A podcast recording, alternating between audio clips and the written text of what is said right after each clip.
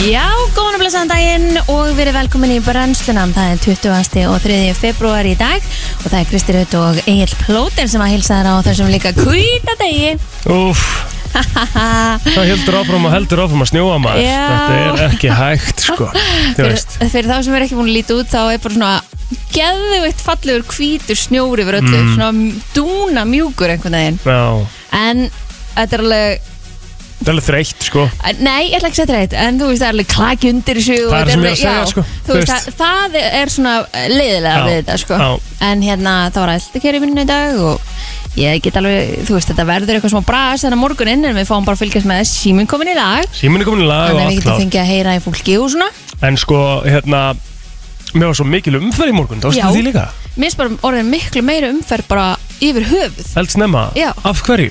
Ég Hvað er í gangi? Það er alltaf að opna og það er alltaf að lifna við Já, og fólk já. er fara kannski að mæti rektina á bóndana og svona Þegar þú segir það sko, þá er náttúrulega hef ég ekki farið í þessa morguntrafík nema í COVID sko. Já, Ég var svo, svona, þú veist, það var samt nýbyrjað. Manstu hvernig það var í mæ Svona fyrsta árið? Var, Voru við strax komin í rosalega harðar aðgerið það það?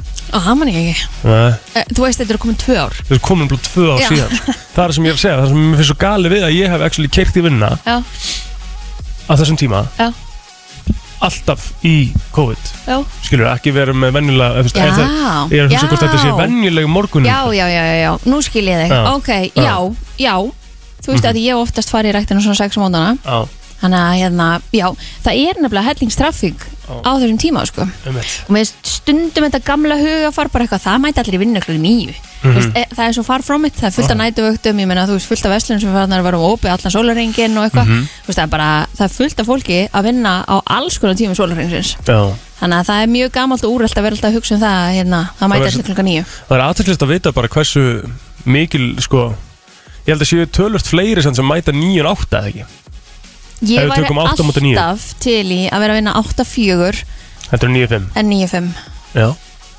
Sko þegar maður fyrir innan klokkan fjögur Mhm. Það er bara eins og það opnist fyrir manni þrý nýju tímar sko. Nú, Bara það, það, munurinn á fjögur og fimm já, er bara svakalegur. Já. Um Þa, það er, þetta, er eitthvað, þetta er eitthvað svona mind dæmi sko, Mhm, pottet mhm. En mér líður bara eins og ég fái bara þrjá auka tíma Þú hefur miklu meiri tíma bara eftir fjögur. Í staðinn Já. fyrir- já, Það er ótrúlega skrítið já, það er endur alveg rétt sko. Af því að þú veist, ef þú fara fimm Mhm. og síðan að fara í búðina og síðan einhvern veginn koma heim og þú komin heim til kannski sex ish, skilur Mhm, mhm. á meðan þú kannski komin heim til þín bara svona rétt fyrir fimm eða eitthvað og ferð, eða, veist, þetta er, það er eitthvað mjög skrítið við þetta Ég veit samt alveg smá hvað áttu við sko það? Jú, að því að sko Þetta dæmi með okkur, já, þú ferð í búðina Þú veist, þú ert komin heim 6.30 Mm, Elda bara- matinn Og svo, hérna, tekur það kannski Hálftíma til klukkutíma mm. 7.30, 8 Og þú ert bara að fara að horfa á tvo þætt og fara að sofa. Nei, þú næri ekki eins og tveim, þú næri max einum sko. Já, Þú veist þannig að ef þú ert einhvern veginn búin kljóðan fjögur þá, þá átt einhvern veginn meira eftir af kvöldinu. Þú nærið að fara heim, gangur á vörunum smá bríðir að hún byrjar að, að Elda. hérna elda. Já, Þú veist þannig að þetta er einhvern veginn svona, þetta er svona miklu léttara. Já svakalegt sko. Mm En svo sá ég líka einn á leiðinni í vinnunni í morgun Sem að, hérna Og ég hugsaði, þú veist, hvað ert að gera? Já, Þú veist, hann, hann er hjólandi Af hverju ertu það ég, ég, veist, Það er alveg Já, en hart, skilur, hvað Sorry, af hverju þetta hjóla í vinnun Það er Ég- klaki og snjór nú og, ætlum ég að taka, ég nú ætlum ég að taka hérna Rikka á þetta Af því að hann á ekki 400.000 til að kaupa sér jöklaúlpu og jafnvel bíl. Nei, það er ekkert staðan. Hann átti þetta var fí- þetta var m- bara ógísla flott hjól Kostar hellingur meira en Lexusum minn sko. En þú veist, En fyrir þetta utan er það kannski líka bara val hjá honum. Kannski vill hann hjóla Ég veit það alveg, skilur, auðvitað er þetta val. Auðvitað vill hann hjóla, þess vegna var hann hjólandi, skilur Ég veit það alveg.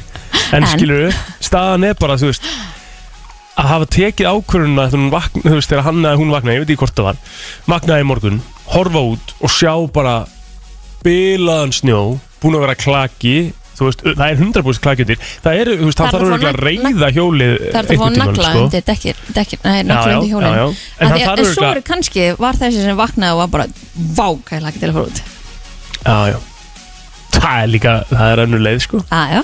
Það er ákveðin típa Hvernig átti að gera það þinn? Æ, hann var bara fínasti fýt maður Ekki? Jú, jú, jú. Jimmið, Jimmy. Hvað eldaðir í gær? Ég fór út að borða í gær. Nú, þrýði þig Já, ég var að hitta Aldrei list Við erum að hitta hérna nökku orri og, ah, og tókum hérna Bombi Basara, gott Það er gott sko. Jöfull Ég er það elska indurska mat. Já, Hann er bara svo helviti dýr. Já, þetta er svolítið dýrt sko. Hvað er það? Ég veit það ekki alveg, þetta er kannski þetta bara, þú veist Mér finnst þetta Allt vera ráefni nota mikið að ráefni eða eitthvað Því þetta er mikið að kryddum, mikið að eitthvað svona dæmi sko? Þetta er fyrsta sem við finnst einhvern veginn fólk alltaf segja Ég elska indurska mat En hann er dýr. En hann er dýr. Já, Þannig að maður leifir sér að sjálfnast því miður. Ég veit það sko. Svo sko verði ég samt að segja En þú veist, þetta er hrískur um brauð og kjúklingur sko. Já, við erum þetta tókum þrjá rétti sko. Eða þú veist, deildum bara svona Þú veist, tókum fiskinn, kjúklinginn og lambið. Það var sniðut sko. Mhm. Svo bara voru, fengum við diska og vorum bara að taka á. Og hérna, og ég hef alltaf fengið með kvítljósnambröð og eitthvað. Og það er náttúrulega geggjað Það er lofið. Svo er til eitthvað á, á Bombay Bazaar sem að heitir kókosnanbröð Ha? Þetta er störtlast sem fengi á æfinu sko. Ok, það hef ég aldrei smakað. Ég er á kvillisvagnunum sko. Já. Nei, þetta var Oh God. og það var eitthvað svona, þetta var svona eitthvað sætt á móti og eitthvað svona, Ok, þetta þarf ég að smaka. Þetta var Right rosalegt. Já, þetta er alveg eitthvað sem ég myndi mæla með allir myndi fá sér sko. Já, og svo var það bara kláraði ég dópsek í gær.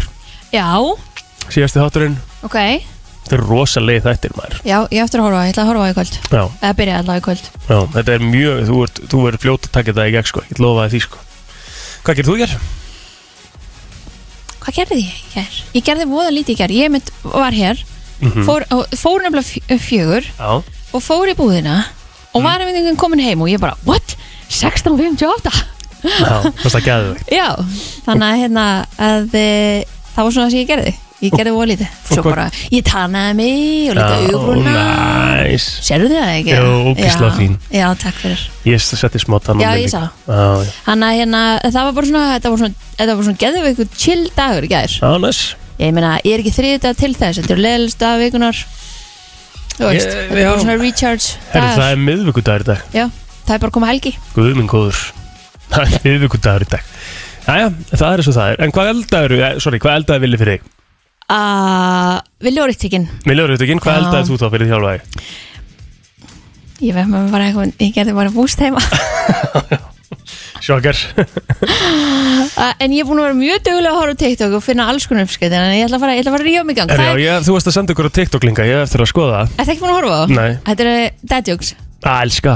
Og hérna, já, ég er nefnilega ég, ég held að ég verði góðu kokku 2022 Já, allar að taka, ertu, er það staðan? Ertu að fara Sko, eitthvað að er taka alveg, það á? ég kann alveg elda, sko Ég er alveg fín að elda og það er alveg bræða matnum mínum og svona Ok, Mér finnst þetta bara leiðilegt mm.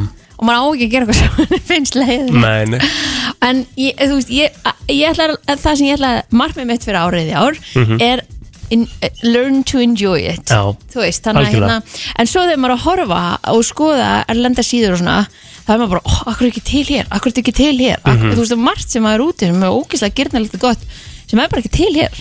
Nú hefur við ofta reynd að gera svona, að svo, uh, svona, hvað heitir þetta? Ekki svona djúbstektan heldur, svona eins og ég myndi erfræða kjúklinga eða eitthvað. Og þá notaður ofta eitthvað sem heitir buttermilk. Já, sem að sumir segja sér súrmjólk og aðri segja sér abimjólk eða eitthvað, það er enga veginn að sama heldur mm, það já. finnst mér alltaf til þess með gerðanlegt sem að mér langar bara að fá eitthvað sem heitir smjörmjólk. Já, bara smjörmjólk takk, skilur ég verð að, ég er satt skilkáttu við sko. það er svo oft sem maður lendir á veggbarpið hvað er hann að nota hana maður? einmitt þú getur aldrei fengið það hérna sko. nei, það sem er ótrúlegt, pirrandi. 2022 sko. Já, nákvæmlega. Mér finnst við vera eins og hérna, þú veist, mér langar að gera eitthvað saladressingu og eitthvað svona og þú veist bara eitthvað, eitthvað innhaldsefni þú veist, mann finnst bara svo ógislega basic Já. er ekki til.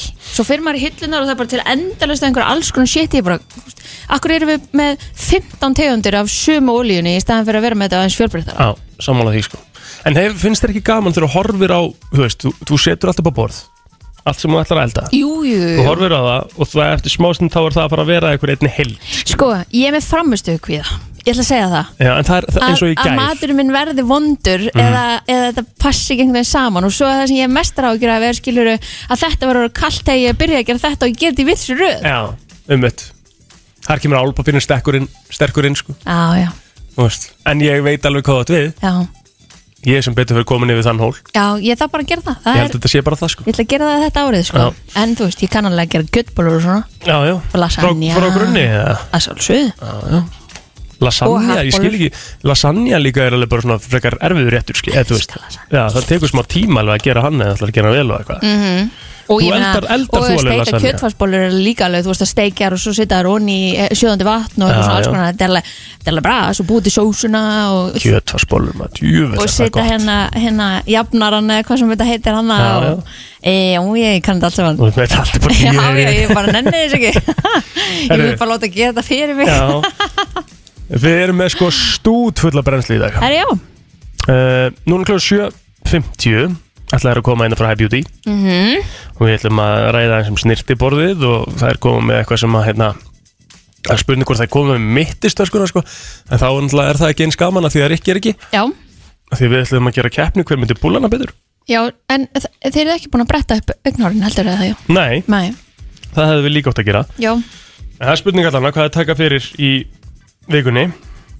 Já, svo erum við með Snorra Másson. Mm og við erum að fá hann Steindós líka. Aðeins að ræða fastegnamarkaðin, fyrstu kaupundur uh, hvernig maður getur komist inn á markaðin Já, þú veist, ég, ég maður er að heyra bara sögur um að íbúið sé að hækka um 20 miljonur á einhvern tveimur árum. Mhm. Þetta er bara þetta- Hvernig getur þetta gengið?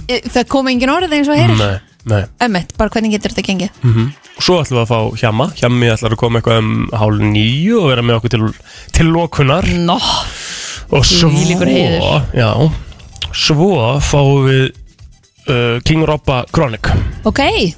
Og hérna, hann er að fara í pólitíkina í Reykjavík. Wow, huge. Þannig að hérna, þú getur grillað hann eitthvað með það. Já, hljóma vel. Þannig að uh, það er stúðvöld brennsla framöndan við ætlum að koma að þessu stað, það er ammálspötn eftir smástund. 23. februar er það í dag og við ætlum að fara aðeins yfir afmælisbörn dagsins. Þau eru nú að skornum skamti en uh, James, Nei, er Blunt, ekki eitthvað hérna? James Blunt átt afmæli gær. Já, Emil Blunt afmæli dag. Em Emil Líblönd já, Er það sýstir hans ég, ég var að mynda að spá í því eða ekki, eða er það konan hans ekki hugmynd Nei, Eða kannski er það bara ekkert ekkert skild En uh, svo er það Dakota Fanning Hún á sem Já. er samvæli dag, 28 ára. Mm, uh, Hún er jakkan mér. Hún er já, gömul þér og ert þú þá kannski bara til að taka við Vist það eru svona margir sem að Já, já, þú ert með sko hérna uh, hérna sem sagt uh, skemmtikraftinn, eða þú veist bara leikarann Aziz Ansari, hann á amal í dag Hú? sem er leikið Parks and Recreation, þetta er bara svona comedian líka, hann er búin að vera með hérna, uppistandari á sviði og okay. svo ertu með Damon John. Hefur hort á Shark Tank?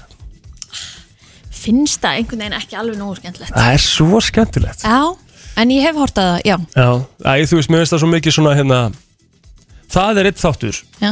ekki það að ég sé fylgjandi því að fólk sé að hafa svona þátt í gangi á meðan það er að gera eitthvað Að, jú, skilurðu. það er þægilegu þáttur til að hafa í gangi. Já, það er svona smá, það er þægilegu þátt til að hafa í gangi sko. Já, Þú veist, þarft ekki að fylgjast með öll og þú heyrir alveg svona ef það er eitthvað svona vesen eða er eitthvað svona æsingur þá getur aðeins svona Já. kíkt á hvað er að gerast sko. sko, ég- aðalega ástæðan held ég fyrir því að mér, ég svona get hann ekki alveg Já, eða ég finn svo til með fólkinu þegar það er ekki já, já, af því að þetta er búið að vera, þetta er búið að vera passion, þau eru búin að leggja Yep. allt sitt í þetta Yep. og ég held ég verði svo meðvirk að ég er svona, já það er líka hvernig svo getið verið svona vond Já, ég veit það, en það er líka satt svo fyndið í þessu sko er að í flestum tilfellum sem að, einhver, sko, sem að þessir hákallar eru vondir við fólkið já, er þegar það kemur inn bara með gjörsalega galið valuation á fyrirtækinu. Já, já, og þess vegna skil ég aldrei bara, þú veist, af hverju sagði ekki einhverju eitthvað áður? Já, af hverju átti, þau eru búin að nú eru búið svo margar serjur að þessu skilur, já. þau verið að lesa þess þessa hákalla sko. Mhm.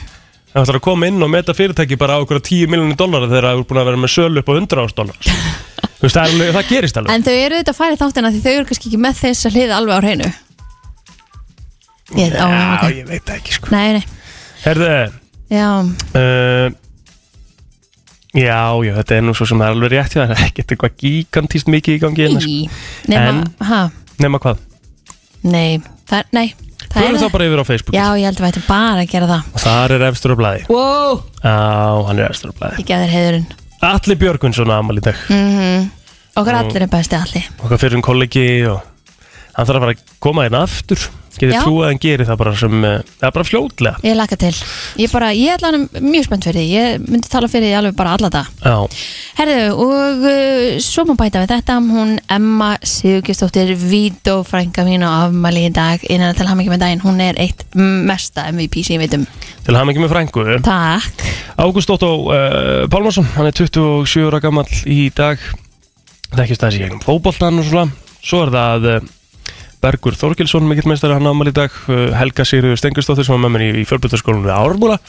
Andri Geir Arnarsson af Seltíðanisnu fættur uh, á þessum degi 95 Sumulegði Steinn Arnar Kjartason báður strákar á Seltíðanisnu Svo hafði Shizuka Júra sem ámæli í dag líka 28 ára gömul. Uh, Þóra Baldustóttir líka, ég verði að gefa henni sjálf það er mm mamman svona sko. Ah, geðvögt Popkona Herðu, sko, mér finnst að Wikipedia maður því að rífa sér í gang Mm. eða fólk sem situr inn á Wikipedia Já, með að vera alltaf eins og það sé bara merkilegu hlutir eða þeir eru sko slæmir já, ég veit það Það er einhvern veginn svolítið þannig Við höfum rætt þetta Þetta er svona eins og uh, neikvæða hlutinir fá svolítið en partasögunni sko. Já, það er bara eins með, með fréttameðluna Já. um, 1985 Torfi Ólafsson setti heimsmet í réttstöðulifti í flokki unglinga og Sko. lifti 322,5 kílóum. En þú, Egil? Úff. Ég veit ekki einu svona í réttöðlufti sko, en þetta er, þetta er sturluð þyngd sko. Já, herðu, svo var það árið 1889 hefði Íslenska kennarafélag var stopnað mm Eitthvað fleira sem að Já, ég er með eitt sko. Alþjóðlega staðalastofnunin var stopnuð Hvað er það? Staðala stofnun Staðalastofnun var stopnuð Hvað er það? uh, Alþjóðlegt fulltrúaráð sem samsett er af fulltrúum ríki staðla stofnana Úff, ok og sérum að setja fram alþjóðlega staðla fyrir viðskipti og yðnað. Aja. Herðu, þess, sko, á þessum degi 2021 Tiger Woods uh, lendi í bílslýsi Suður á Angeles, muni eftir þessu Ó?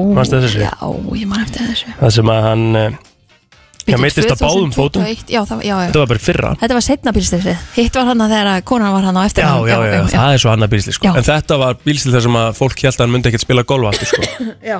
En hann er svona aðeins byrjaður Já, Svo sem um, Já, ég held að við séum búin með sögun og sömu leiðis já, það var bara fréttir eh, veður og sport hér eftir smá. Það er bara þannig Gleði á leið í vinnuna Alla virka daga millir 7 og 10 Frétta yfirlit í brennslunni Já, það hægst það sem að bara í eh, störfum löglinótt er að löglan stöðvaði aukumann á öðrum tímanum sem að grunar eru um akstur undir áhrifum fíknefna, ítrekkaðan akstur sviftur aukuréttindum og að hafa gefið löglu rángar upplýsingar þegar hafa spurður um skilriki og nafn en uh, annar var stöðvaður á 5. tímanum í nótt grunar um akstur undir áhrifum fíknefna en þá var gerð húsleit löst fyrir kljóðan 6 í gerkvöldi á heimili manns í hlýðunum og lagt hald á ætluð fíknefni en þá voru hefði afskipti af ungum manni í hlýðunum á 12. tímanum í gerkvöldi vegna neyslu og vöslu fíknefna eh, þessi hafi verið að syrkja það að lauruglan hafi tekið á honum allt hitt en lagt var hald á fíknefni og vettfangskísla rituð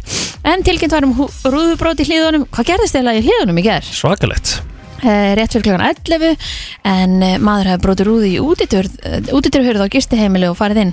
En sá var handekinn og vistaður fyrir rannsókn málsins í fangagemslum lauruglunar svo var það umferðar óhapp sem að varða á Kópavegi fyrir, rétt fyrir klokkan 6 í gerkvöldi en engin slísur þá fólki sem betur fer.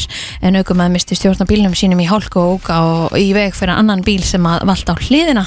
En báða bifræðar voru óauku færar eftir slísitt en þær voru fjarlæðar svo var það kona sem að slasaðist á sjöndu tímanum þegar hún fjall af hesti í Mósesbæ og ökla brotnaði líklega. En þá var tilkynntum innbrot í geimslur í Mósesbæ í áttundu tímanum en tala er að yngu hefur verið stólið en eignaspill urðu þó. En þá var tilkynntum innbrot í aðstöðu kajakfélagana í Grávogi þar sem að skemmtir urðu og hurð og verðmættum stólið og svo var ungur karlmaður sem var handingin löst fyrir klukkan 12 í Árbæ en sá var í annarlegu ástandi við handtökuna. Hann er grunar um hótanir og fleiri brot og var vistaður í fangigemslum lauruglunar í nótt. Þetta Já. var uh, stútfullar Eh, En vel hefur gengið að móka snjó frá þeim bílum sem festist í þrengslanum og á Hellisheiði á uh, mánudaginn. Ertu búin að sjá myndir af Þetta þessu? er rosalegt. Þetta er rosalegt En Björgunarsveitir unnaði í gærdag og gær kvöld að losa fjölda bifræða sem eh, setið hafa fastar. En þetta segir Dagmar Bjarnason, upplýsingafulltrúi landsbjörgar í samtali við fréttastofu. En vegna viðrossan sem reyði við landi á mánudaginn satt fjöldi fólks fastur í bílum sínum á þrengslaveginum og Hellisheiði og við þekkjum nú eitt sem var fastur þarna í 6-7 tíma. Já En fjöldahjálparstöðar voru opnaðar í grunnskólum á Þólusöfn og Helliseiðavirkjun þangað sem fólk var flutt eftir að hafa fest bíluna sína. Eh, Sérst í gær þá hafa síðan skapast skilir til þess að grafa snjó undan og frá bílunum sem að gerði eigundum þeirra kleift að sækja og það er náttúrulega eins gott að þessi, þessi sérst, dagur bara kom í gær sem var engin snjór mm -hmm. því að það hefur verið vesen í dag Úf, já Já, með, hérna, með snjókumna í, í nótt þannig að eh, þetta er bara allt sem hann gott að blessa. Mm Bæjastjóri fjárðabögðar fjölumennasta sveitafélags Austurlands hvetur til þess að Íslendingar taki færi að setja til fyrirmyndar í jarðgangugerð og grafi mörgung samtímis. Ef að færingar geta gert það, getur við þá ekki gert það? Að því haldið. Já, en hann segir líkilatriði að ringtengja austfyrði með jarðgöngum. Og þetta hefur Helgi Ómar sem að kemur nú reglulega hinga til okkar eh, talað mikið fyrir. En þetta sé eða, leiðin til að tryggja framtíð mjóafarðar og ég held að eh, Rikki sé formaður eh, góðvinnufélags mjóafarðar en uh, í segir það fallegasta staðisliti Já, en uh, hann sagði þetta í uh, fréttum stöðu 2 í gerkvöldi en uh, það var einmitt verið að fjalla um samgöngur og annað í mjóafyrðinum og á Norrfyrði og fleiri stöðum í um allt land. Fyrir þá sem að sá ekki þann þátt.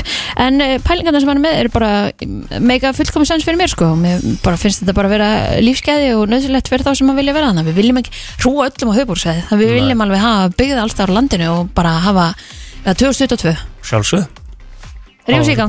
Já, herru að óbreyttu þá voru tilkynnt um aflýttingar á öllum takmörkunum innanlands og landamærum í síðasta lægi á förstak Bareigandur, e, bareigandur eru farnir að búa svo undir mi- mikil skemmtanahöld um helgina. Úf, lauruglan verður ábyggilega með auka vakt. Já, 100% En þú veist, en það þýðir náttúrulega bara að það sé- megi Engar bara vera takmarkanir, bara, er bara við- opið, bara Já, back Til to fimm. reality. Ljósin kvikna 5 og allir geðvegt ferskir á þeim tímumúti Mm. Herðu, mikla takmarkanir verið að starfsemi skemmti og veitingastæða í gegnum faraldurinn en skemmtistöðum hefur ímis verið gert að loka eða opna tími þeirra skertur allverulega Eh, En Geoffrey Huntington Williams segandi Brixins eh, segir marga veitingumann fagna þeim alveg sem eru væntalar og hann er mjög ánægð með sko uh, að fá smá tíma til að undirbúa sig það náttúrulega hefur ekkert alltaf verið þannig eða Mhm. þannig að þeirra hefur verið að. Herða eða losa eitthvað aðeins sko. þannig að uh, það er allan að viljum búin að gefa það út að þetta er að síðasta lagi á förstu daginn þannig að þetta geti þess að komið í dag eða á morgun þar sem að öllum aflýttingum verður. Já, en sko, ef hann aflýttir á öllu á föstudaginn þá kannski dögur ekki fyrir hann eftir helgina eða eitthvað. Þannig að ef hann er að segja kannski fyrr þá kannski er gefur hann- hann það út að það megi vera um helgina. Er hann ekki að meina það að þetta sé að, öllu verði bara aflétt á förstu daginn Ekki hugmynd, ég, mér finnst það svona, ég les það ok? í málið sko Sem bara geðvægt, ég meina Já. það þarf að kalla út auka vaktir og, Já, já. og hérna staff og kannski breyta uppsendingum og einhvað alls konar þannig að- algjörlega Herðu, veðurofsin er ekki alveg yfir gengin, þá sérstaklega ekki fyrir íbúa Snæfellsnesi, Vestfjarða og Norðurlands en stormur mun ríða þar yfir á svæðinu í dag. Apisynugul veður viðvörun tekur gildi á norðanverðum vestfjörðum núna klukkan 8 og gildi til miðnættis með vindraða á bylunu 18 til 28 metrum á sekundu en búast má við mjög hvössum og varhugaverðum vindkviðum við fjöll. Staðbundið yfir 35 metrar á sekundu. Einni er spáð talsveri snjókomu og skafrinningi með lélögu skiknu og vastandi axturskilurðum en búast má við viðtækum samgöngutröflunum en lítið ferðaveður er á meðan viðvörun er í gildi. Já Herru, kvöldi í kvöldi þétt setið á sportarsum stöðu 2 Það verður búið upp á sjö beinar útsendingar. Tvei leikir eru á dagskrá í söpudeld Kvenna í Körubólta á stöðu sport í kvöld. 18.05 breyðarbleikum á haugum og þeim leikloknum þá er uh, fært sig yfir til Njarðvíkur þar sem heima kunnur taka móti nákvæmum sínum í Keflavík. Þá er eitt leikur á dagskrá í Ólsteld Karla í Hambolta Valsmenn mæta í Sáumýrina þar sem að framar að taka mótið um klukkan 19.50 á stöðu sport 4 það er nóg eitthvað á ísportinu það er Bay Patrol sem er í gangi þar og svo lokum við þá reitt leikur í meistardeild Evrópu á dagskráðkvöld það er viður Benfica og Ajax. Uppbytun fyrir leikin hefst klukkan 19.15 á stöðu sport 2 og klukkan 19.55 verður skipt niður á völl. En meistardeildin eru eða meistardildamörkin svo sínst að klukkan 22.00 það sem verður farið yfir alltaf helsta uh, í leikjum kvöldsins í meistardeildinni Er bara þannig. Frá 7 til 10 Brenslan Það er nákvæmlega þannig þú þurft að hlusta á brennsluna á miðvöggudagsmótni og uh, það eru fyrstu gestur, uh, gestir dagsins sem eru komnar í hús. Það er uh, Ingun og Heiður, velkomnar. Takk fyrir. Snirti borðið í vikunni, hvað við að tala um? Sko þátturinn með Lindu Ben er að fara að detta inn bara á næstu mínútum. Ok, stórt. Þannig að þið getur bara refreshað þið Já. vissi núna. Sko nú er náttúrulega Rikki ekki hjá okkur í dag. Það var ímislegt sem við vorum með á tútulistanum fyrir Rikka. Einmitt. Já. Það ætluðum að, fle- hvað heitir þetta? Bretta, Bretta auknan, fletta auknan fletta upp á þau og svo ætlum við að fara í sko Augnara kefni augnóra keppni Já. og Og bag off bag off. Já. Begað það er nefnilega svolítið málið sko. Einmitt. Hvað er sko, því að núna við, við þurfum sko að ákveða hvað gerum fyrst. Þetta, fyrst þetta er svona mikið, ég ætla án í næstu hugu þá held ég að þessi svolítið bag off dæmi sko. Ok. Af því ég vil lega kostningu af því ég sagði vissulega hérna í þessu þætti að, að sko Rikki G ég sé hann ekki fyrir mér með Tösku. með her sko. Gerir það alls ekki sko. Ekki það að ég sjá mig eitthvað meira fyrir mér með hvað finnst þér? Heldur ég myndi púla það betur? Nei, veistu, ég held að hann myndi púla það betur. Já, ég er eiginlega sammála. Já, sko, Rikki í rétt átvettinu Já. Ég held að hann geti komið óvart. Nefnilega, sko.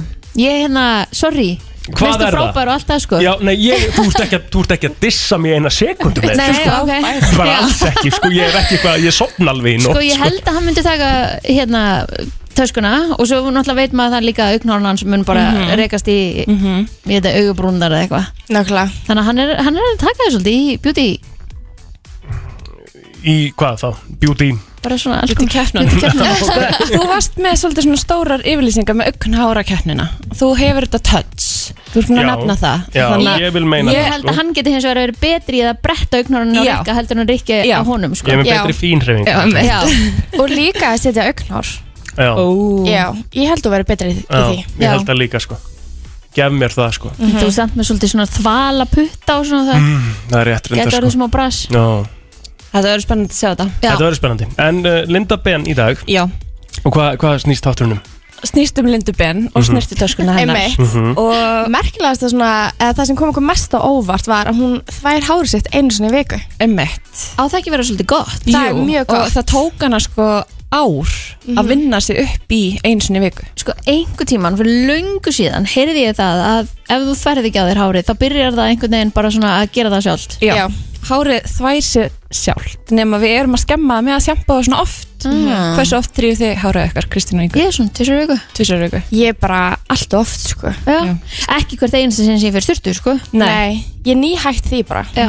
Ég gerði það einu sinni. Þetta er ég alveg tvisvar. vani heldur hjá sko. mörgum bara alltaf að seppa á sig leiða maður fyrir styrtu ég Ég breyti byrja- það alveg og þú veist fyrir styrtu daglega og eitthvað en ég þvæða ekki daglega Emmett Ég byrjaði að prófa að tryggja hana Lindu út að hún notar hárnæringu þótt hún sjampo og ekki hárið. Ok. Og ég prófaði það og mér finnst það betra Já. en að ekki gera neitt. Mm. En hvaðan kemur þetta, þú veist, og síðan hvenar var þetta eitthvað dæmi að þú átt bara að þrýfa háraður einu sinni í viku með sjampói? Sko, ég held að sé út af því að sjampóið þurrkar svo mikið hárið. Mhm. að það þeir sem er að þóða auðvitað eftir hvernig vörur þú ert Já, með og allt þetta. Að verður að þóða á hverjum degi og kannski blása það líka á hverjum degi þá er alltaf að þurrka það og svo hita það, þurrka, hita það þannig að það fer bara illa með hárið. Þannig að þetta er triks fyrir marga sem eru kannski að díla við þurrt hár, skemmt hár að reyna að fækka þóttunum Ert þú ekki alltaf að blása hárið þitt? Já, Nei En það er sko þegar ég fyrir klippingu hjá besta barbi landsins þá blæsar hann alltaf á mér þá blæsar hann alltaf á mér hárið sko veist, það, það gerir hún svo flott Já. Já, finnst það ekki gaman? Ekkert gaman. Skilurðu. gaman. Ég er ekkert eitthvað, ó, þetta er skemmtilegt. Æ, mann finnst maður alltaf svo fýtt þegar maður kemur á klippinga Já, það er eitthvað svo öðruvísi. Það er líka að fá svona nuttið í skálinni. Mm. það er best, sko. best. Nutti í skálinni. Nutt, æ, hvað heitir þetta? Skólskálinni Vaskinum myndi ég segja. það voru svona hennar helstu tricks Tips and tricks. Hún er Tips and ógeðslega góð að tricks. mála sig, Linda. Og það sem okkur var skemmtilegast var að sjá vörurnar hennar. Og það komum svo ótrúlega mikið af vörum og fullt af vörum sem við erum líka með í bara kittinu okkar. Einmitt. þannig að hún er alveg með puttan og púlsunum það kemur að sérstaklega make-upinu og skinnkernu Já, uh, þannig að hún er alveg smá svona, hún er svona, hvað segir maður, svona leini áhuga maður Ok, um þannig að hún og er- skinnker. duglega að YouTube sig áfram eða Ekkert smá. já. svo er allt svo óksla flott heima hjá henni eins og við kannski ekkert viti smá við sko horfum um hvert einstu hot bara, mér langar þetta, mér langar þetta hvað finnst þér þetta, hvað þér þetta sniðt Já, gekkja. Ert þú búin að panta þér, hérna, ertu búin að bóka þér á námskið? Nei, ég hef eftir að fá að vita Já. hérna snirtibutu námskeið mitt verður. Herðu, við vorum akkurat að opna fyrir skráningar officially Búm á heimasíðin okkar makeupschool.is mm.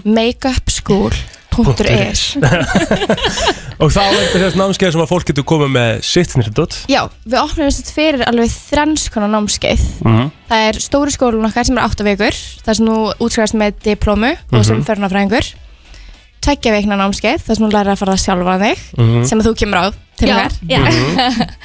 Og svo kvöldstund námskeið sem er bara svona fjóra klukkustundir uh, þínar vörur Já, þitt andlit. Það er bara hérna í april Yes Já, og kostar ekki neitt. Kostar ekki neitt? 14.990, það finnst mér nú bara að vera ekki af. Mhm. Gjafa verð. Mm. Það eru líka svo margir sem eiga dót og veit ekki hvernig það er að nota það. Þannig að það er fullkomið fyrir Kristínu. Nákvæmlega. Til dæmis.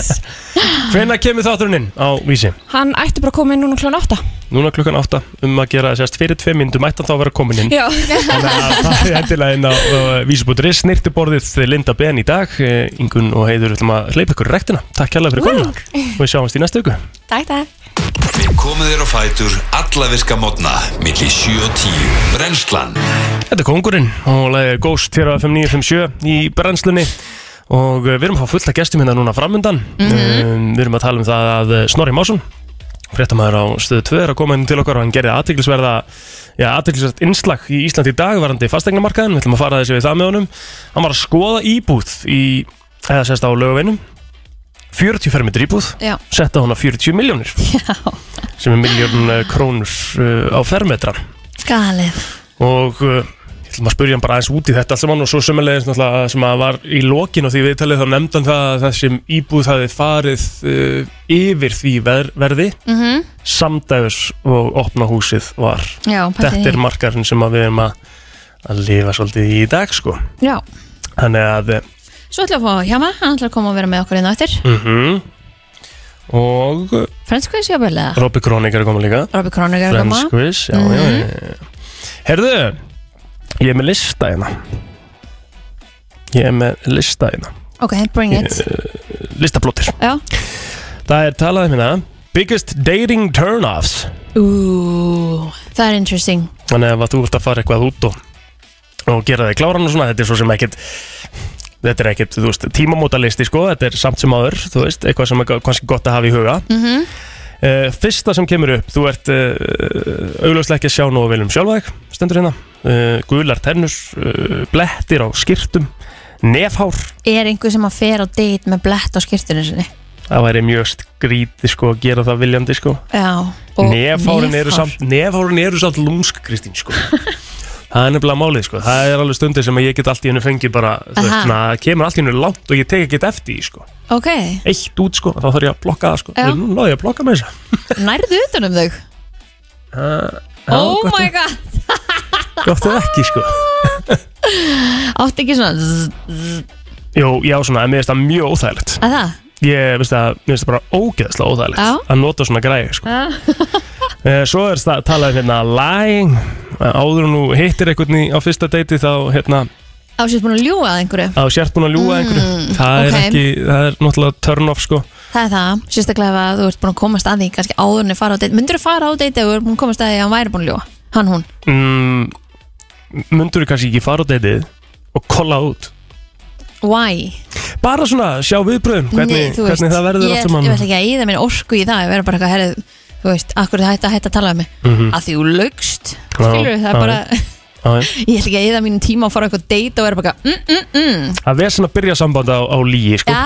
Það er svona smá Það er trust issues þar. Sko, svo stendur hérna Þú ert að þýða þetta fyrir mig Kristín. Ok, Self-absorbed. Uh, self-absorbed er bara eitt ekki að sjálf á sér. Já. Því bara basically og pælingin kemur út frá því að þú ert að halda að þú sért stærri en allir aðrir séu mjög mikið turn off mm Það er það að vera sérst að dónalegur við starfsfólk á veitingastæðin sem þið eru að deyta á er þvílíkt uh, A- Absolutt, red flag Já. getum orðað það þannig stórt turn off eða bara þess vegna við Uber bílstjóran eða bara hvað En sem hvað er finnst þér að vera turn off? Á Ef þú date? værir að fara á date Mm. og við segjum að turn offið fyrir dateið Mhm. og svo turn, on, á, turn off á date turn off fyrir deytið mm, þetta er góð spurning sko.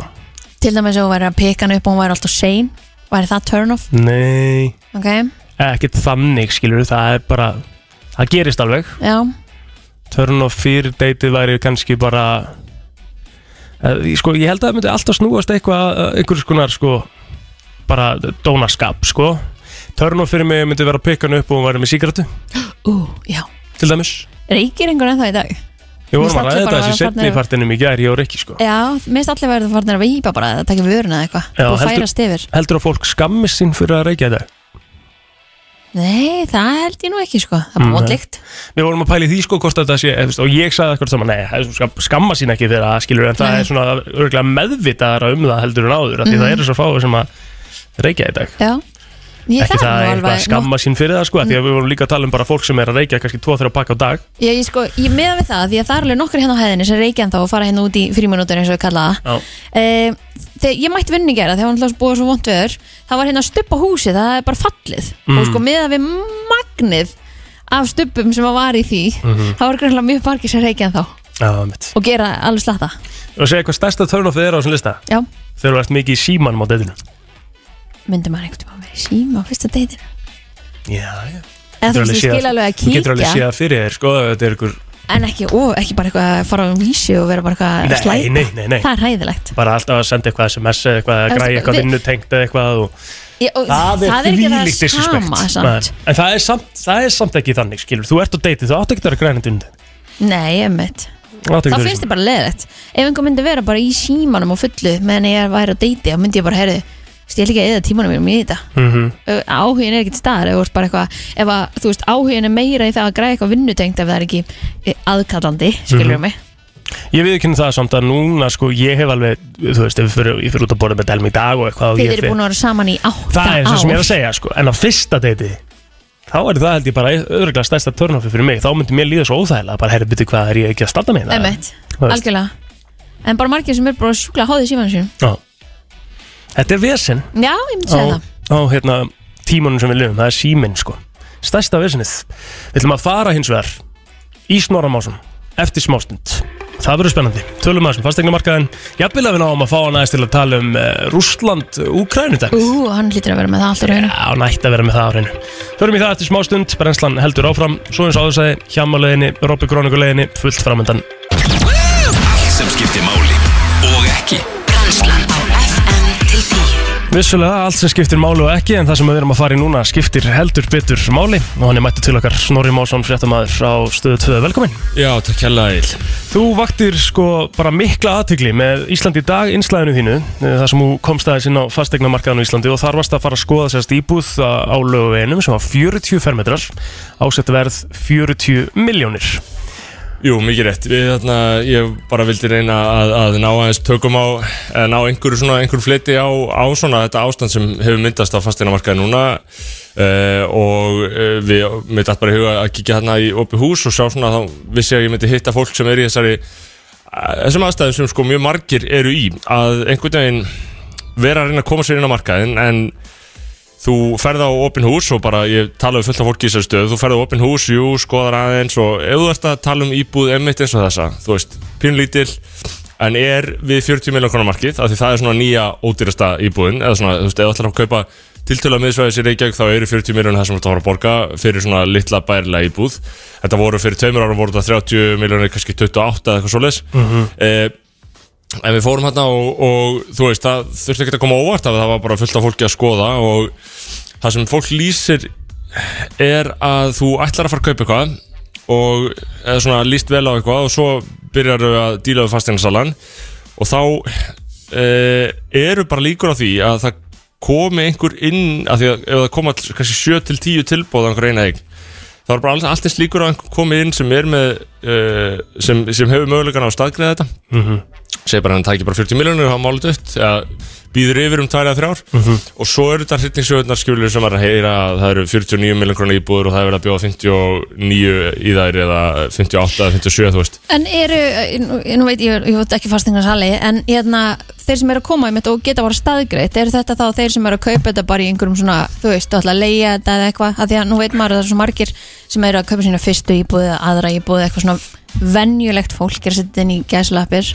Um, Er Þetta það að ruggla markaðin að þetta eru all, all, allir þessi sem að geta komið og einhvern veginn staðgreitt? Það er náttúrulega, sko, það gerir þetta ansi ójafnan leik eh, en þetta eru væntalega í langt flestum tilvíkum aðalega sem eru bara mjög svona fjöð, fjáðir og, og geta þá í raun og veru leift sér þetta en eru þetta lík, langleiklegast ekki að kaupa þessi íbúð til að búa síðan þannig sjálfur Mhm.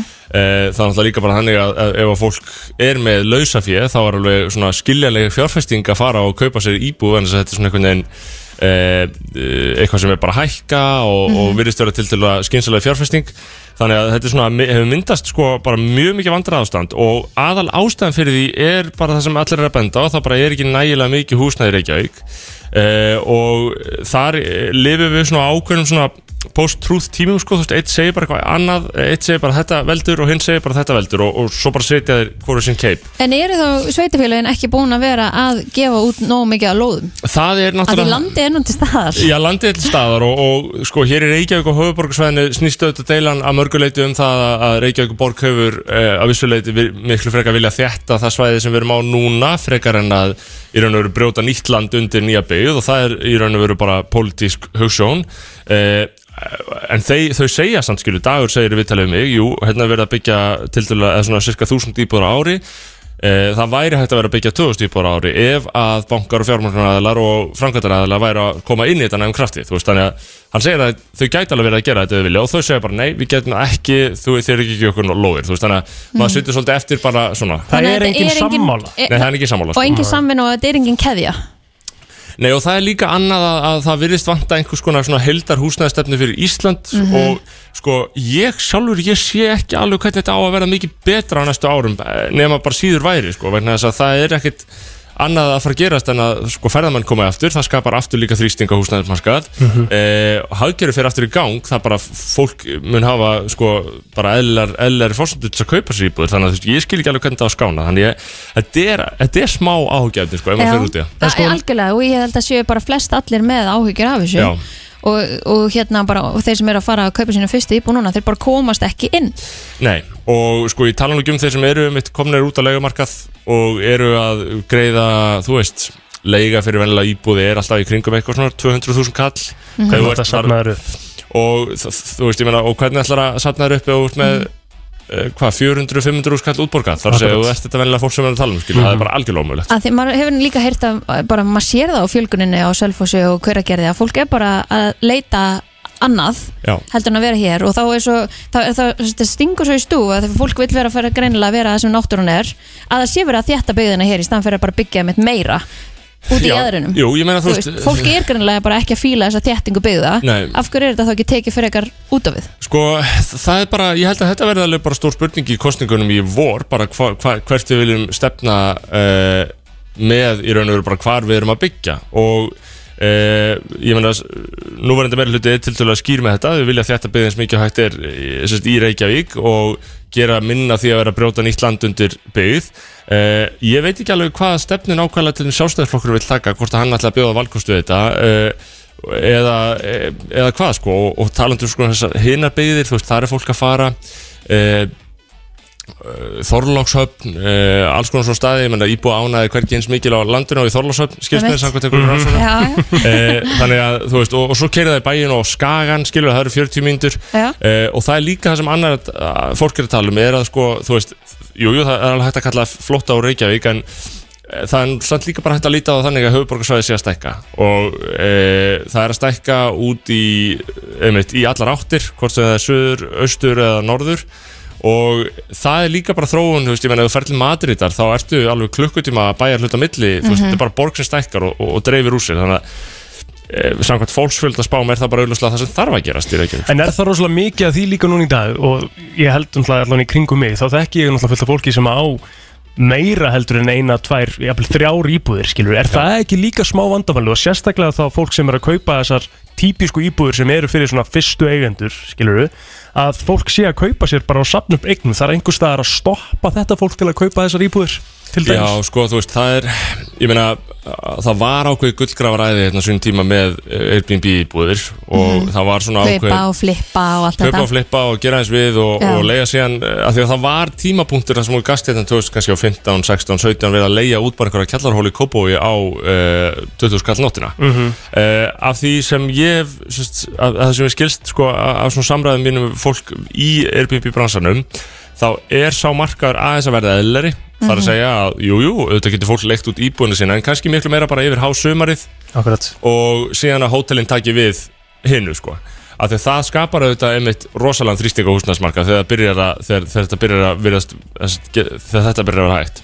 En síðan þegar kemur að þessum íbúðum sem fólk á að auka íbúðunar ég meina eh, það er bara rosalega erfitt ég meina, þetta er frálsmarkað það, ég, ég veit ekki alveg hvernig væri eðlilegt að takmarka það að verulegu leiti kapitalismi bara hef, þetta býr bara í honum Akkurat. að fólk gerir þetta og, og fólk leitar að, að leiðin til þess að ávasta fjössi þannig að við sitjum bara svolítið uppi með svolítið óheftan kapitalism á þessu og, og ég held að svo loka punkturinn í þessu það að íslenski fasteignarmarkaðurinn er samsæri ég meina hann er samsæri þeirra sem eiga fasteignir af því að það er enginn sem á fasteign að fara að styðja róttakar breytingar á þessu sem myndi þá rýra hans fasteigni verði eða einhvern veginn ógna þeirra stöðu. Þannig að þetta er svolítið það er, þetta er, það er svolítið það sem ég tekja eftir að það er, ég sé ekki breiðan pólitískan vilja til þess að breyta fasteignarmarkaðinn. En hvernig, nú tókstu hlið fastegnasalans í þessu líka hvernig, hvernig, hvað segja þeir um þetta?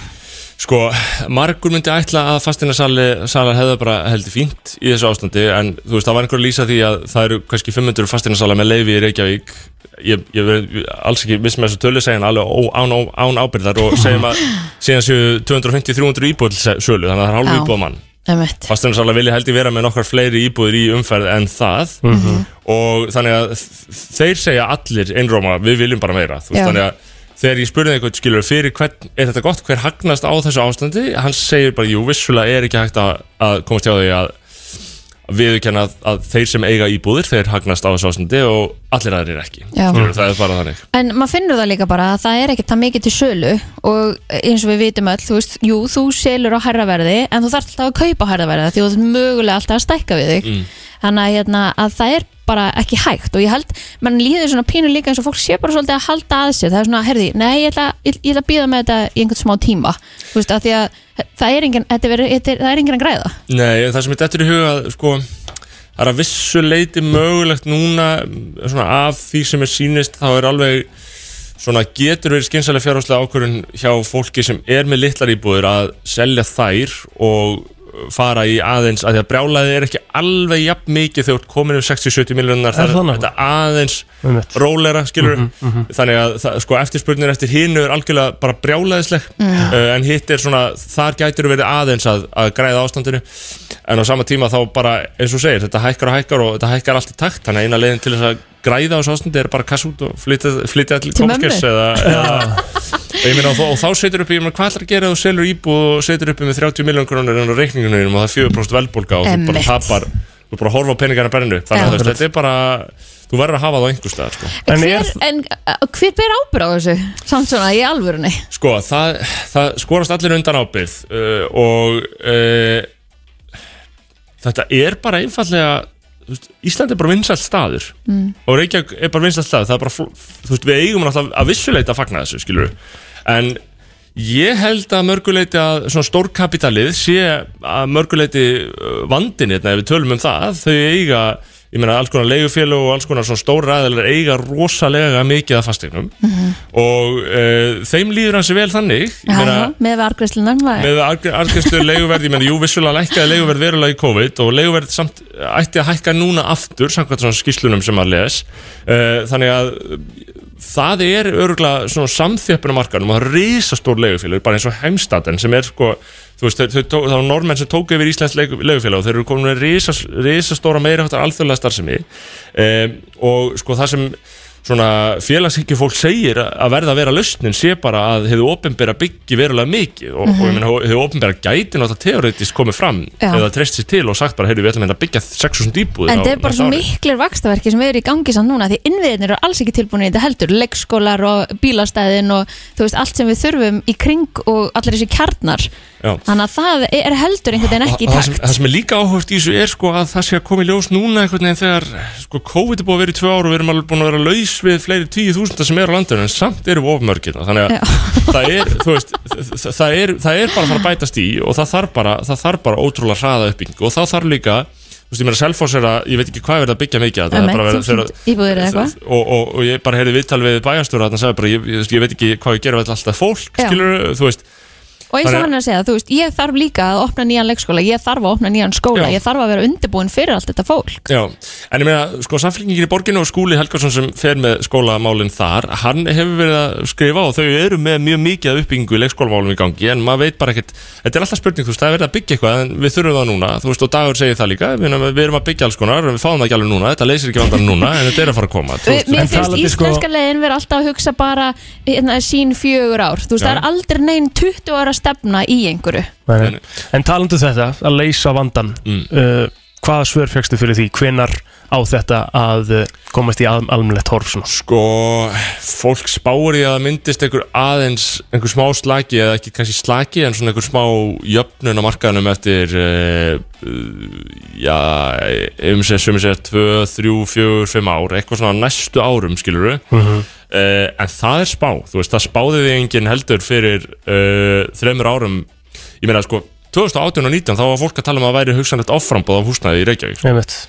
Síðan bara kemur kórnverufaldur, vextir eru lækkaðir og sko, ég meina, fyrir mér, ég er náttúrulega bara ungu maður, sko, ég er að sjá fyrst, í fyrst skinn, sinn svona hvað verulega áhrif svona efnaðsækjari stjórnvaldi geta haft, sko, þannig að bara er bara einhver ákvörðin tekin og það bara gjörsamlega endar á að því, meina, þegar venlegt ungt fólk sem er bara eitthvað að fara á djamið heyrir að þessi verið að hækka að lækka vext í útarplunum, held ég að þessu eitthvað alveg eitthvað. Þau eru ekkert að spá hvort að vaksta ákvörðin verið 0,5 steg eða 75 Það er bara það verða bjór. Hvað gerir ræða að verða bjór og hann sé orðin 400 millilítra sem er vel að verka mjög Það þarf að laga það það á er sérstökum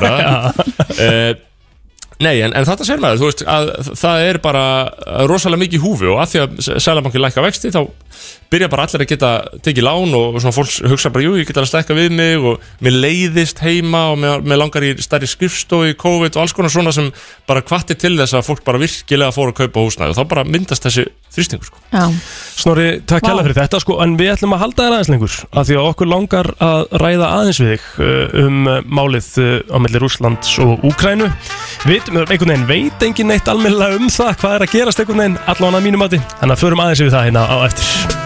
Friðrik Dór ringdi mig í brennslinni og Snorri Másson ennþá hérna hjá okkur. Og við ætlum að kíkja aðeins uh, á sko bara málið millir Rússlands og Úkrænu og kannski við byrjum þá bara að spurja það var eiginlega þannig í gerð, við vorum að fara yfir frétta yfirliti Já, okkur og já. við vorum svona er komið stríð, er ekki komið stríð Er það ekki bara fyrsta spurning? Er komið stríð, Snorri? Sko, þetta er náttúrulega það sem fólk segir er að í í stríði þá er það fyrsta sem tapast er sannleikurinn, sko. Mm þetta eru upplýsingarnar. Við bara áttum okkur ekki alveg á því hvað gerist. Ég meina, á bandaríkjana menn, upplýsingarnar sem við erum búin að fá um výbúnað rússa við landamærin hafa verið meira og minna komin frá bandarísku og bresku leinithjónustunni síðustu dag og vikur. Það er ekki eins og við séum að fá fréttatilkynninga frá rúsneskum stjórnvöldum um það hvað er að gerast. Þannig að þetta er alltaf spurning og, og það er líka með, einmitt mjög eðlilegt að svona í upphafi svona ástand séu upplýsingar mjög óljósar. Eh, það er ekki fyrir maður fyrir að sjá átök og alvöru myndbönd af átökum sem að, raunverulega átt að sjá því, já ok, þarna er verið að meiða aðra í einhver svona, einhvers konar pólitísku tilgangi sem auðvitað stríð er. En það rugglaði mig smá í gerðnafla því að e, það var sagt að rússar væri að viðurkenna eitthvað en ég heldur að væri að fara inn í Úkrænu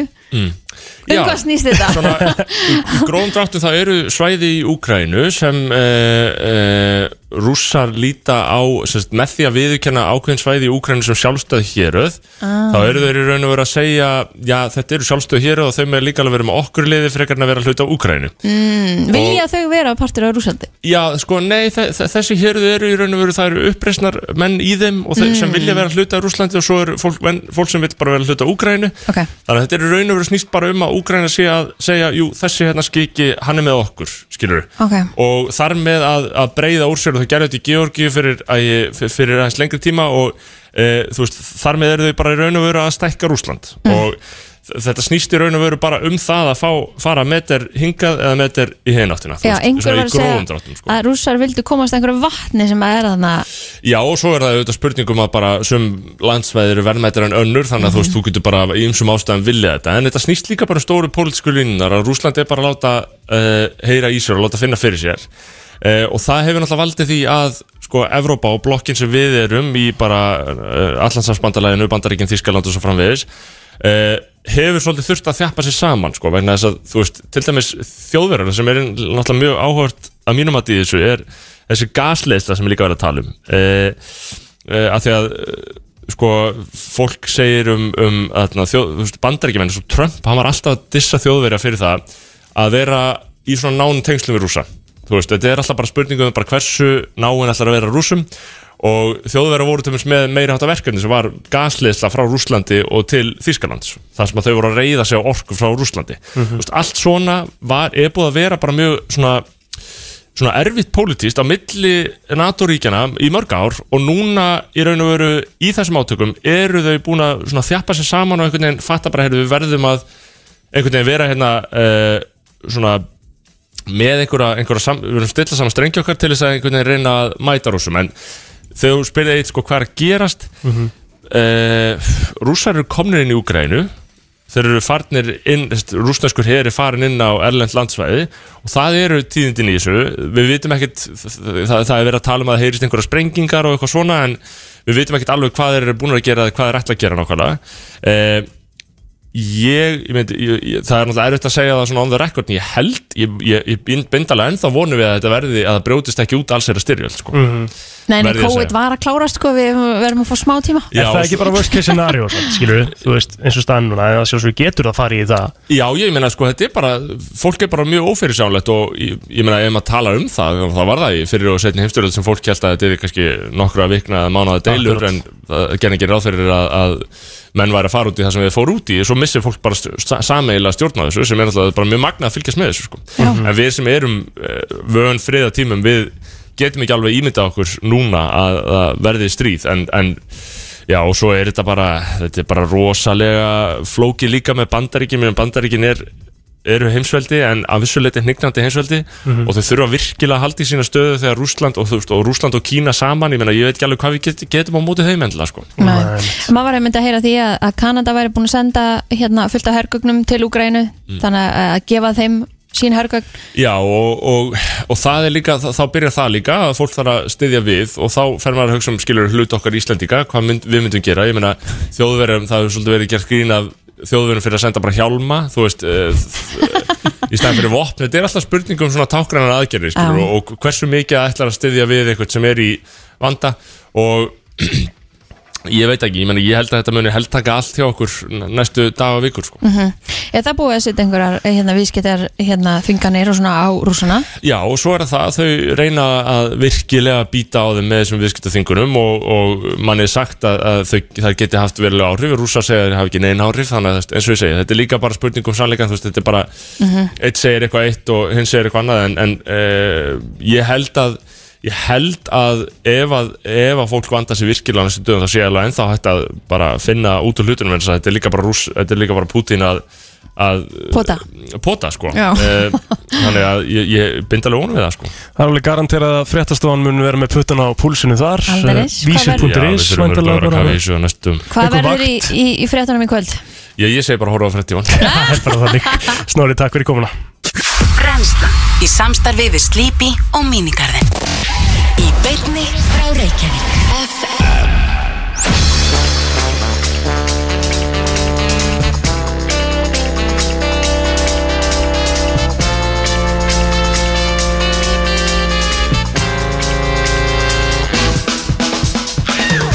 Það eru fleiri gestir í, í brennslinni og já, góður, virkilega, virkilega góður gestur sem er komin inn í dag og við erum ekki að fara að ræða þetta vennilega, við erum ekki að fara að ræða við hann um mat og matarvagna og eitthvað svona dæmi sko sem er alveg hálf steikt sko. Og ekki DJ set Ekki DJ set, þetta er Robbie Chronic, Góðan daginn, góðan daginn hvað segir þið gott? Er ég góður? Hérna, hversu marga hatta berð þú eiginlega?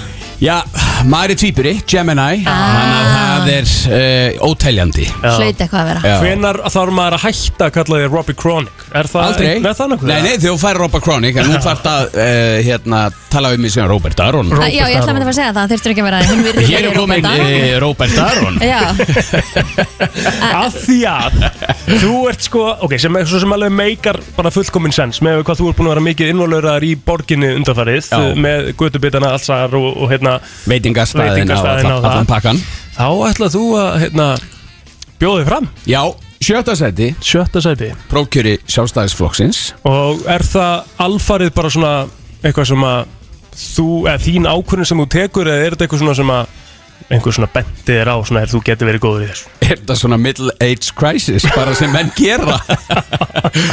Herðu, þetta Jú, það var hérna Hvað var að segja, það var kvartning úr ímsum áttum Og hérna, og ég hugsaði þetta nú töluvert og, og sá svona með þær, þær mikla vinnu sem ég hef unnið og gert í borginni Bæði með atvinnu rekstur og matavagnan og þess að viðburð og svo leiðis Og það eru svona ímsum hluti sem að mér fannst mega laga.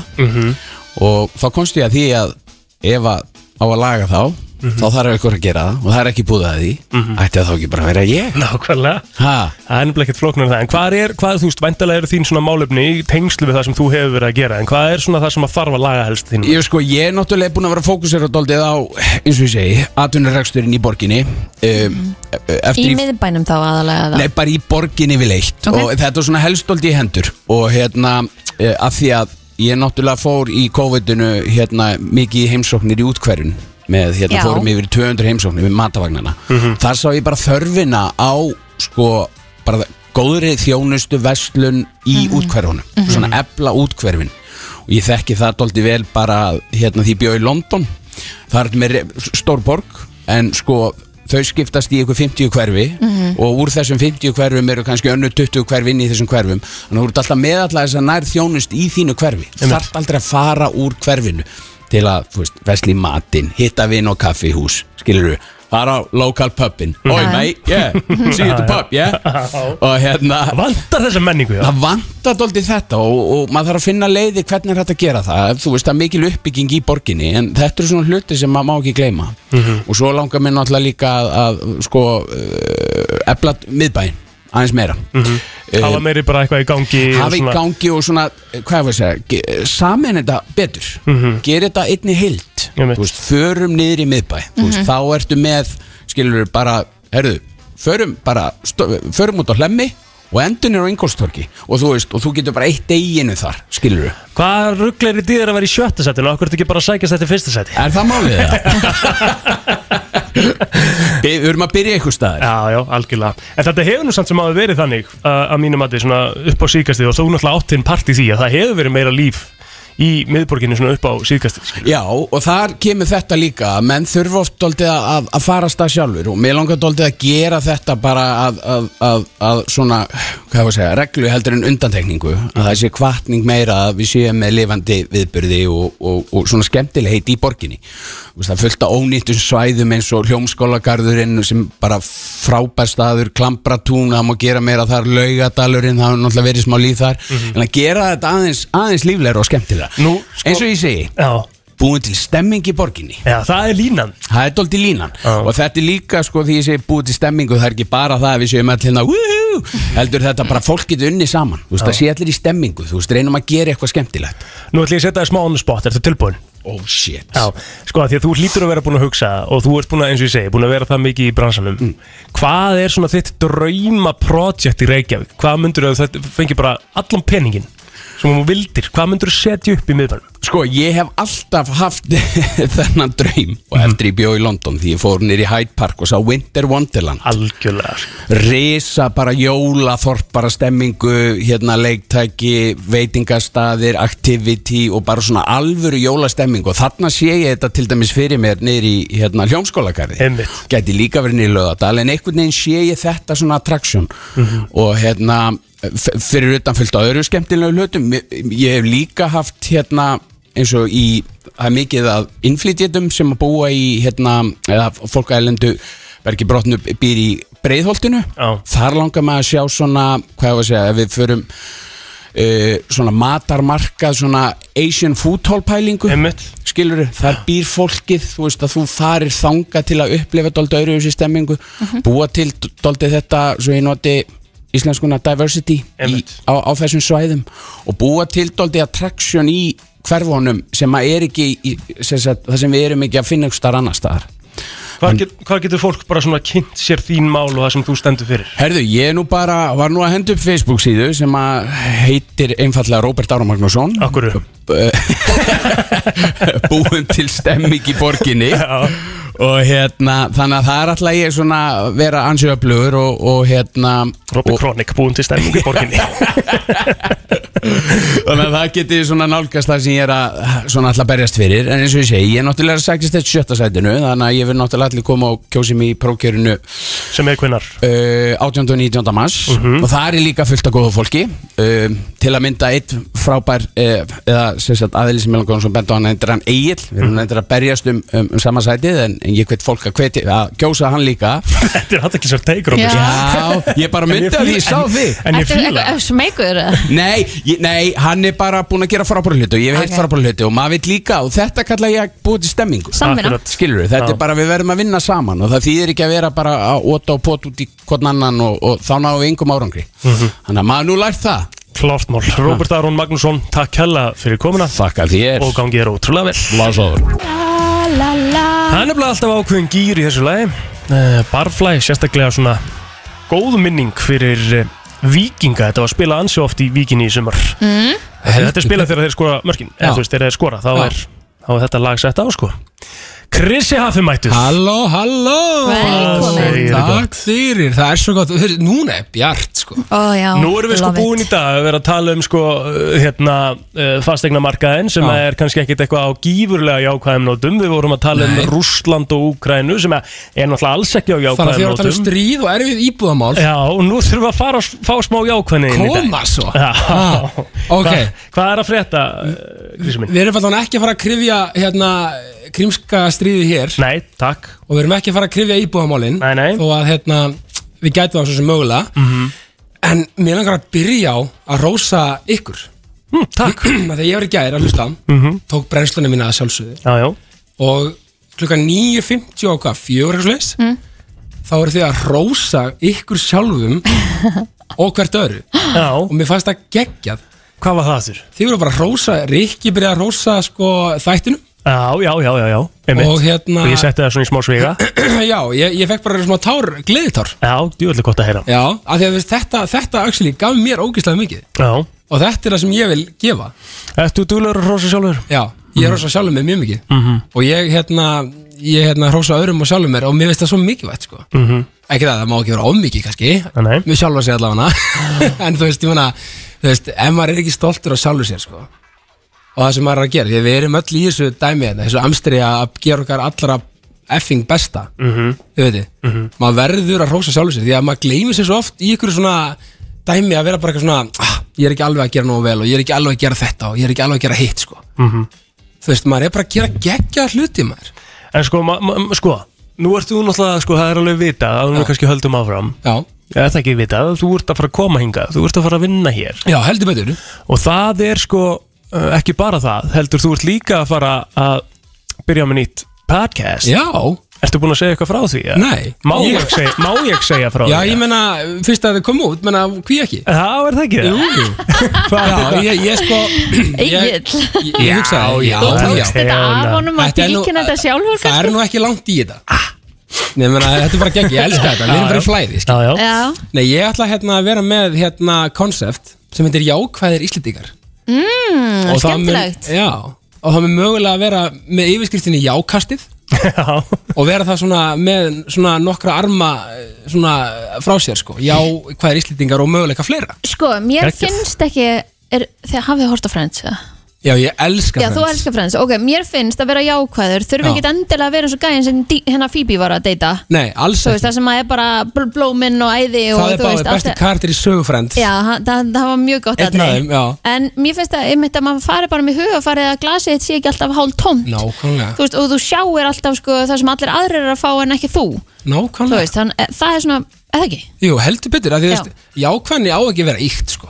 N Nei, einmitt. Og Þú- þetta er alveg forsað Nei, Nei, heldur Mhm. bara að þú farur út í daginn bara, herðu, ég hef það bara helviti gott. Nákvæmlega. Og mér ætla bara að líða vel með það í Einmitt, dag. Þú veist, og s- í- sjáum svo í hátteginu hvernig mér líður. Einmitt, og, og, Þú og, veist. og, og, og maður þarf heldur ekkit endilega að vera þú veist, einmitt eins og gæðin í Friends að vera eitthvað svona að reyna að dreifa því á alla aðra bara eitthvað gett íkt, skilji. Nei, þú veist, og ég er, þú veist, ég reynir bara að fara út í daginn þið veitir það, því að þú veist, ég bara er og, og, og það var margir alveg reynd að kalla mig sem eitthvað leikrit, sko Mhm. bara gegnum tíðina. En, veist, en, Getur ekki verið svona einmitt, Þú getur ekki verið svona einmitt, jákvæður. Já. en, en svo he, hafa, hafa, hafa viðkomandi oft komið að mér og eftir á svo bara, þú ert bara Þú veit, en þú veist En, en, en sko, það má bara ekki vera veist, það má heldur ekki þvinga aðra í það. En, en maður getur svolítið reynd svona kannski að dreifa sko eh, væpinu Hvað er þið, hver er þinn tilgangum með þessu öllu saman? Þú veist, minn tilgangur sko, eins og ég segi, hann er náttúrulega sko, hann er bara að reyna ef einhver einna núti, þú veist Mhm. hvort sem að sér mig á samfélagsmiðlum að hitti mig eða hvað sem það er Mhm.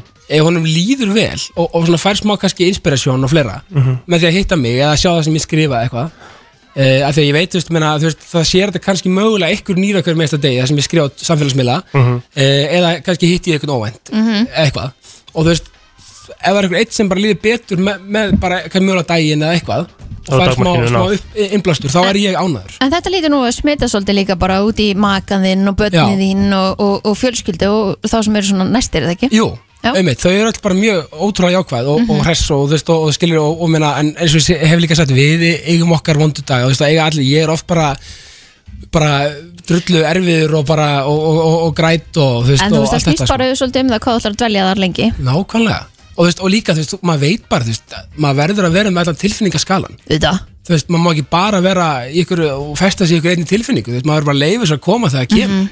Mhm. af því að þú veist, ef ég þarf að gráta kannski sér ekki pappa minna eitthvað, þá bara græt ég. Mhm. það bara, bara, og rauninni bara Og þá er það bara holdt já, og bara hvar sem ég er. Já. þið veitir, þú veist, það bara breytir, þú veist, bara, bara, þú bara staður og stund er bara irrelevant, skiljið Þannig að bóðskapur vikunar í, í þessari viku var í Já. rauninni kannski að rósa sjálfur sér já, en í rauninni, mér langar að tala um eitt Já e, að, því að, þú veist, að því að við erum komin á þetta þú veist, að því ég hef upplifað áfall og hafa allir upp, upplifað áfall að einhverju tægi býst ég við Mhm. Já. og þú veist, það sem er mikilvægt Og mér finnst oft líka afsakið Ja, allt- allt í góðu. að Því að hvert eitt og eitt áfall er bara eh, hvernig þú upplifa það er, Einmitt. það er ekkert áfall merkilegra eða minna en Nei. þitt áfall einmitt Já, Það er bara, og, og, og, og hvert áfall getur verið mjög bara mismandi og í rauninni mismandi formi og mismandi stærðagráðu, Mhm. þið vitið Já. E- og, eða ekki, bara eftir hvernig maður bara lítur á það Já. og, fi- finn, og finnur það, skiljiði Mhm. en það, það er það sem mér langar til að svona, bara kalla eftir er að, að, að halda auðvitað um hvort annað og auðvitað um sjálfa sig uh, í kjölfar áfalls uh, hvaða áfall sem það er Já. af því að veist, það er svo auðvelt að fara á autopilot og vera bara svona þú veist, bara, bara taka þetta á nefanum láta, láta bara ganga og, og, og yfir sig fara þið veitir, já, já. en það kemur alltaf í baki á manni. Ég gerði þetta sjálfur Mhm. uh, í tveim áfallum sem ég lendi í. Og það, bara, veist, og það kemur alltaf í baki á manni með þá, eins og í mínu tilfelli miklu kvíða og, og, og bara verulegum óþægindum. Þetta er mjög mikilvægur punktur. Já, að því að bara höldum auðvitað um hvort annað og, og, og reynum svona að kannski að meta líka, þú veist, reyna svona að kannski, þú veist, auðvitað, maður getur bara, maður má ekki bara fara að fólki eitthvað svona óþægilega, þið veitir, Mhm. en svona reyna satt svona, ef ykkur sem að þekki lendir í áfalli, kannski svona náðumanni, reyna svona, Mhm. þið veitir, að halda auðvitað um viðkomandi og kannski benda viðkomandi á að, passa upp á sjálfan sig og tala um hlutina. Klart mál. Krissi Logord Já, ég vil vera um logor, það er náttúrulega ást og friður. Aha. En það er, það er, hérna, við fengum hann bara ill. Mhm. Luis Díaz. Við fengum hann bara. Herðu, það er leikur kvöld. Ég elska þetta séu og, Logordin já, og það er meistaradild Ég vil líka koma með óskalag. Erum Ok. við að tala um Liverpool? Já, Ok, Og fyrir United samfélagi, það er leikur í kvöld. Já, Á- Áfram 0-0, takk. Já, já. Er þetta Logordin þín? ja, Nei, ég ætla að fá Maður fá Nei. lag. Ég, ég, ég, ætla bara, ég ætla bara að óska eftir lagi. Ok. Til að peppa fólk í, í fótbolta kvöldið á stöðu sport. Mhm. Besta sætið. Ok. Song 2 Blur Á, fíla. Er það Kemur- ekki? Kemur eftir FIFA auglýsingar. 98, takk. Gleði á leið í vinnuna. Alla virka daga milli 7 og 10 Brennslan á miðvöku degi og uh, þetta er búið að vera stút uh, fullu þáttur af viðtölum hjá okkur. Já, ótrúlega gaman að hjá mig ákvaða að koma. Já, herðu hann, það er að koma líka. Sama gamla sagan. Já, já, og, og svo sagði hann líka við okkur þegar hann uh, mætti ekki sér, ég bæti ykkur þetta upp sagði hann, ég Já. bæti ykkur þetta upp sko. já. Þannig Nei, nei, það er bara svona svo við fáum okkar eh, allra besta náttúrulega aftur á morgun. Mm Þannig að hérna, það er eh, spennandi kostningar um helgina.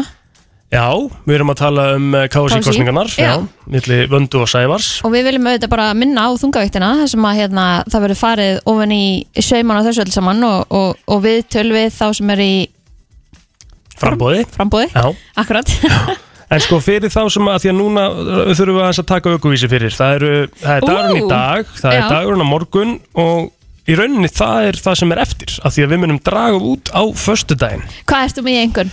Ég lækkaði um tvo í gær Þannig að ég er komin í 75 Býtu, hvernig sem fórst er það því? ekki gott ég, Núna er ég að skoða ferðina mínar Það bannaði að breyti farþega Ég veit það, ég fekk eina, eina ferðin í þrýra fimm sem er ekki gott sko Nú. og þar var uh, Hemlun, sími. símanótkun Já, ok, þannig að þú varst það mikið í símanum og fórst niður um þrjá stjórnur Ég fekk tvær, já, þrjástjórn Shit, sko, þetta er hræðilegt Það er ekki gott. að segja frá þessu. Nei, Nei. það er alls ekki gott En eins og þú segir, ég, það er að rífa mig í gang og Mhm. þú veist, ég, ég er alveg þannig ég, herru, ég var, ok, og ég að segja frá því svolítið skemmtileg.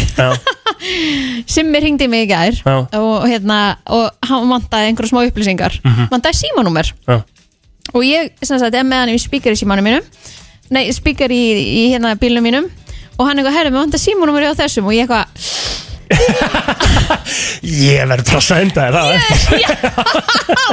ég sagði við hann sko, herru, ég er nefnilega með svona ökuvísis app og ég get ekki tekið símanum Sem er þetta alveg, þú veist, þetta er, þetta er örugglega nákvæmlega það sem að, þú veist, appið á að gera Já, og hérna, og hann bara ha, ertu með hvað? Og ég bara, herði, ég er alveg að koma heim. Ég sendi þér þetta eftir smá. En þú veist, ég bara, keppniskapið kom þarna upp, þannig að ég var bara eitthvað, ok, ég get ekki tekið upp síðan, ég fæ bara mínustjórnum þar. En hvað ertu komin í einhver þá núna? Fyrst þú ert svona mikið, af því að ég gleymi svo alltaf oft það sem er náttúrulega ég, ég ger alveg líka og hérna, ég var að fylgjast með gerð því bílum minn segir, þú veist, hvað hámasæðan er á gödunum Mhm. og hann var að sína 30 í gerð, bara 30 það getur ekki verið 30 á þessari gödu Mhm. þú veist, og þá var ég alveg á 50, 50 þannig ég bara, ó fokk, Mhm, skilur þú veist, þannig að þetta er líka bara ótrúlega ómeðvitað hjá manni þú veist, hámasræði þú veist, og allt þetta, þannig að þetta líka gefur manni miklu meira heldur en bara hætti símanum. Já, já. þú veist, þetta gefur manni líka bara svona pínu, hérna, sens fyrir því að maður sé að keira alltaf hratt ágreinilega 30 götu eða, eða eh, 50 eða 60 götu, skilur Sko 100% og uh, sko kannski við tölum þá bara líka aðeins um það að þú hefur tóta til að komast inn í kemna Það er skal ennþá líka bara hægt. vera með að hérna, við kynna lögbrotin á hverjum einasta degi. Þú varst í símanum, ég keir og Já, þetta er ræðilegt sko. En þú veist að því að þetta samt sem að vera búið að kenna mér helling á þessum tveim vikum sem ég er búin að vera með appi sko. Þannig Já, að já. ég mæla alveg með því að prófa þetta. Núna þótt að sé ekki bara tveir dagar til að koma inn í deildina en þú veist, þú heldur bara áfram sjálfur eða sjálf. Já, bara skoða þín hegðun hvernig þú keirir skilur mig, að því að við höldum öll að við séum frábærir hérna aukamenn og, og allt saman. Mhm. en við getum öll gert betur Farðu inn á vís.is skástrík leikur til að vera vissum að uh, eða hvaða dild þú átt að joina og svona. Þú hefur, uh, já eins og segi, daginn í dag og daginn á morgun til að vera með. Og uh, svo drögum við út hérna á föstu daginn þannig að við mælum að uh, þarft ekki að borga neina tryggingar eða vera í vís eh, neitt nei. svo leis þannig að um að en gera, gætir eins og að lækka tryggingan þeinar geti gert það Vissir þú að abar kúka bara einu sinni í viku? En vissið þú að selir gera í raun ekki neitt? Tilgangslösi móli dagsins. Í brennslunni. Það er nefnilega það. Það er komið að þeim virta í dag, hann er bara stuttur og laggóður í dag. Ok, þægilegt, Hvernig líst þér á það? bara vel. Herðu, sko, hvað heldur að sé svona meðaltal uh, á aldri gullfiska? Þeir lifa nú ekkert svo lengi, allavega ekki mínu sem ég hef átt að geta tíðina. Þegar það hafa verið mjög Herðu, hann skúter hérna sem að hérna, en gaf Markusi bróðum mínum, heitir sér satt fiskurinn skúter. Hann hétt skúter. Hét, já, já, með við hvað hann lifiði helvíti lengi. Já, þá ætlum ég að gefa þessu bara þrjú ára eitthvað. Ok. Sko, það gæti alveg verið, ég ætla bara að segja þér hversu lengi sko elsti gullfiskur heims Já. uh, lifiði uh, og mér langar að fá það hérna, ég er með það í dögum. Já, Guð. Herðu, hann lifiði í 14.795 daga. Wow, Gullfiskurinn var 40 ára wow. ok, það er svakalegt fyrir að fara ring eftir ring eftir ring ég hefði, eins og ég var að tala með hann af gullfiski okkur Já. ég var lengi búin að steindrepa mig bara sjálfur bara fara í eitthvað hunguverk eða eitthvað ég þurfti að vera bara í þessari lítil kúlu Þetta er, ó, fókin það þetta er ótrúlegt Já. sko. Öll spendýr nema maðurinn og abinn eru uh, sem sagt litblind mm, ok, vissi það ekki Hvaða þjóð heldur á borði mesta kjöti á hvernig degi? bandaríkjumenn, Ránt ó það kemur óvart er svolítið svona Mexíkó. sko, Þú færir rosalega gott til dæmis nautakjöt uh, hérna, Þískaland, Nei, Hvað land? Mexiko? nei, þetta er Argentína Argentína, auðvitað. Það er talað um að þú fá, eða sko Argentínubúinn uh, að meðaltali borða 280 grömm af uh, kjöti á degi hverjum Jæks sem er Það mjög svakalegt. hátt meðaltal sko, þú pælir í því uh, Elsta borg uh, Fraklands mm. er Marseille Ó, og hún var sem sagt bara 6000 fyrir Krist sem að byrja að Ó, nú einhver íslendingar sem fóru þangað í EM eða ekki? Úf, jú. Það var hérna, það var fyrstileikurinn eða ekki? Það var í Marseille. Fyrstileikurinn það ekki passað, já. jú, Ég fór ekki til Marseille. Nei, Fór til við Parísar fórum til og Nís líka maður, djöfull Það er besta ákvörðin sem ég tekið á æfinni þegar ég framlengdi til Nís Já, Jöfull var ekki að þetta. Herðu, fíl gæti geimt 7 lítra af vatni í rannanum jæks Pældi Það hvað er stórt. svakalegt. Já, þetta er alveg stórt. Síðasti mólin í En dag rannin er líka ekki eðla stór. Það er bara málið. Uh, Mólin, uh, þessi síðasti er uh, tengdu því að við vorum bara ræðið í gær held ég. Uh, En það er talað um það að það eru einhverjur hundar Mm. sem geta svona uh, fundið lyktina húðkrabba minni Já, fólk Vá. Vá, mm hundar eru bestir Besti vinnur okkar. Við vorum að tala um blindra hundin og við vorum að tala um hundin sem að, hvað var það aftur? Blóðsykurfall eða já, eitthvað svona diabetes dæmi eða eitthvað. Þannig að þetta eru mögnuð Mögnuð uh, dýr. Það er alveg klart mál. Þetta var svo virt í dag, fá einhvern Kristín takk. Mm, Átta, Já, já, það er ekkert eðla langt sinni, ég heyrði þetta lag. Geggja lag. Geðveikt lag. Já, Og uh, það er svona þegar að koma að loka með okkur dagins var já, þetta var svona smá Mér finnst helgalag, þú veist, það er 50 ára á morgun. Mm -hmm. En einn helgin að fara að koma. Jep. Herðu, veistu hver ég ammál á morgun? Uh, Nei, Dæni Dögg ammál á morgun wow, Oh drottningin í músík og sport? Nei, Dæni Dögg. Danny Dögg gamli Drottningin hans Sívas Jæja. Það er þetta er. Herðu, Það verður fagnaði góðu skrambli. Já. Skrabli. Nei, nei, það, það verður Það verður gert eitthvað meira það. Jæja. Herðu, já, það er búið að vera frábært þátturinn í dag. Við, við viljum hvetja alla sem að mista af einslæginu hans snorra hérna hjá okkur í morgun þar sem við vorum að ræða íbúðverð og, og íbúðmarkaðin Mhm. og náttúrulega bara þetta frábæra einslæg sem hann gerði fyrir Ísland í dag og, og fréttinnar hann vísi.